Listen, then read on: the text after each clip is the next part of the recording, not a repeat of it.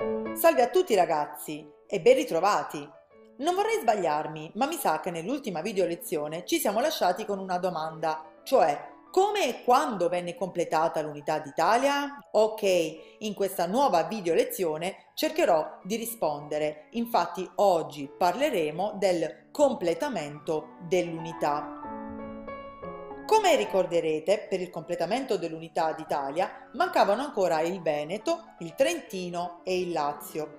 Per ottenere questi territori era necessario trovare nuovi alleati, perciò l'Italia nel 1866 firmò un importante trattato con la Prussia. Questo prevedeva che in caso di guerra fra Prussia e Austria l'Italia avrebbe attaccato l'esercito austriaco nel Veneto costringendo le forze austriache a combattere su due fronti. Ebbe inizio così la guerra austro-prussiana, per noi italiani la terza guerra di indipendenza. Essa fu una guerra lampo che si concluse in sole quattro settimane. La guerra però fu condotta molto male dagli italiani, che persero due importanti battaglie, a Custoza, nel Veneto, e presso l'isola di Lissa, di fronte alla Dalmazia. I prussiani intanto infliggevano una pesante sconfitta agli austriaci a Sadowa, in Boemia, nel luglio del 1866 e nel frattempo Garibaldi era riuscito a sconfiggere gli austriaci a Bezzecca e stava per liberare Trento, quando ricevette dal generale La Marmola l'ordine di fermarsi perché la guerra era conclusa e l'Austria aveva chiesto l'armistizio, impegnandosi a restituire il Veneto all'Italia. Garibaldi rispose allora con un celebre telegramma Obbedisco. Ora che il Veneto era stato annesso all'Italia, bisognava pensare a conquistare Roma e il Lazio. Era ancora aperta infatti quella che si definiva la questione romana. La città era considerata la naturale capitale d'Italia e lo spostamento della capitale da Torino a Firenze, avvenuto nel 1865, rendeva evidente l'obiettivo del governo, cioè di stabilire la capitale d'Italia a Roma. Ma i cattolici erano contrari a un attacco al Papa e allo Stato Pontificio e anche la Francia con Napoleone III si era impegnata fin dal 1849 a difendere la sede papale. Nel 1867 Garibaldi, con un esercito di volontari, provò a marciare su Roma, ma fu fermato dal governo italiano e venne addirittura arrestato. L'occasione buona per conquistare Roma si presentò quando cadde l'imperatore Napoleone III nel 1870 in seguito alla sconfitta di Sedan nella guerra franco-prussiana. Così il governo italiano, libero di agire, inviò un reparto di bersaglieri che cannoneggiò Porta Pia il 20 settembre 1870, aprendo una breccia ed entrando a Roma. Dopo quasi 12 secoli finiva il potere temporale dei papi e Roma, con un plebiscito, entrò a far parte del Regno d'Italia, divenendone la capitale. Nel 1871 il Parlamento italiano regolò il rapporto tra Stato e Chiesa con una legge chiamata la legge delle guarentigie, cioè delle garanzie, basata sul principio di Cavour libera Chiesa in libero Stato. Con questa legge si riconosceva l'esistenza dello Stato Vaticano, costituito come oggi dalla Città del Vaticano, dal Laterano e da Castel Gandolfo. Lo Stato italiano si impegnava a versare ogni anno una somma di denaro per il mantenimento dello Stato Vaticano e alla Chiesa Cattolica veniva riconosciuta libertà di organizzazione e di apostolato in tutto il territorio nazionale.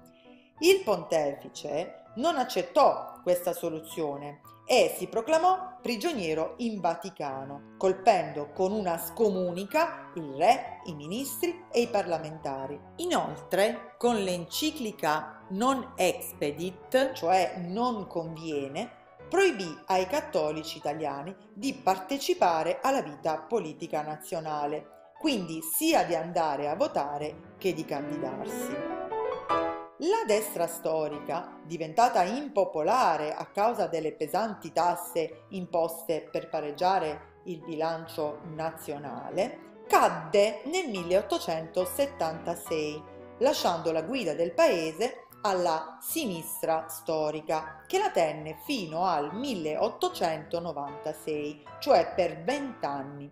Intanto nel 1870 era morto il re Vittorio Emanuele II, lasciando il trono a suo figlio Umberto I. L'Italia, che avvertiva voglia di cambiamento e l'esigenza di grandi riforme, affidò le sue speranze alla sinistra storica, di cui facevano parte uomini politici liberali e democratici, eredi di Mazzini e Garibaldi, favorevoli all'allargamento del diritto di voto, ma senza arrivare comunque al suffragio universale. Il primo presidente del Consiglio della sinistra storica fu Agostino De Pretis. Il suo programma politico intendeva allargare il suffragio elettorale, eliminare l'analfabetismo, diminuire le tasse e abolire l'odiata tassa sul macinato, introdurre il protezionismo economico, così da proteggere le industrie nazionali, aumentando le tariffe doganali, cioè le tasse sulle merci importate e curare le malattie più diffuse come la malaria, la pellagra, il tifo, il colera e la tubercolosi.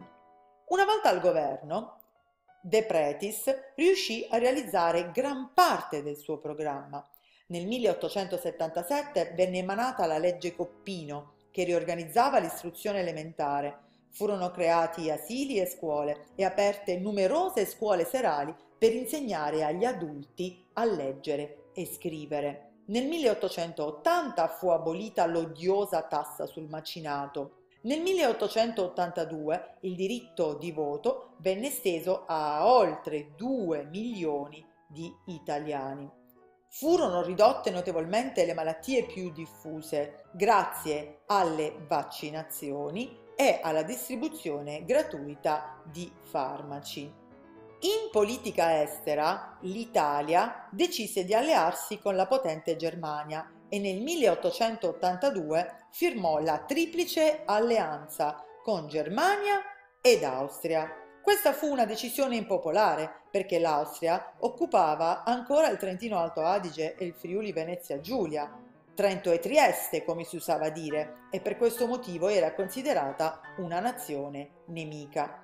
Tuttavia i rapporti più stretti con la Germania fecero affluire in Italia i capitali tedeschi che aiutarono lo sviluppo industriale del nostro paese.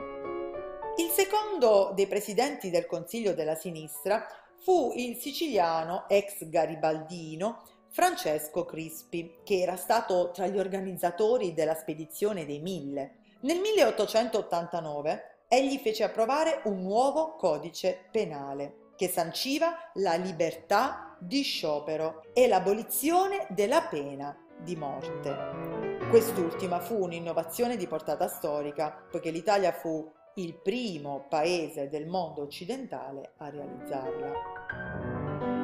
Crispi proseguì anche la politica coloniale iniziata da De Pretis nel 1882 con la conquista dell'Eritrea e della Somalia, due regioni dell'Africa orientale. Crispi decise di conquistare il regno di Abissinia, oggi chiamata Etiopia. L'Abissinia era uno dei paesi più poveri del mondo, ma l'Italia si illuse che fosse ricchissimo. La spedizione militare fu un vero fallimento e gli italiani furono pesantemente sconfitti presso Adua nel 1896 e dovettero ritirarsi. Crispi, accusato di aver mandato a morte sicura i soldati italiani e travolto dalle proteste di tutto il paese, diede le dimissioni. Così terminò anche l'età della sinistra storica, lasciando il posto alla crisi di fine secolo.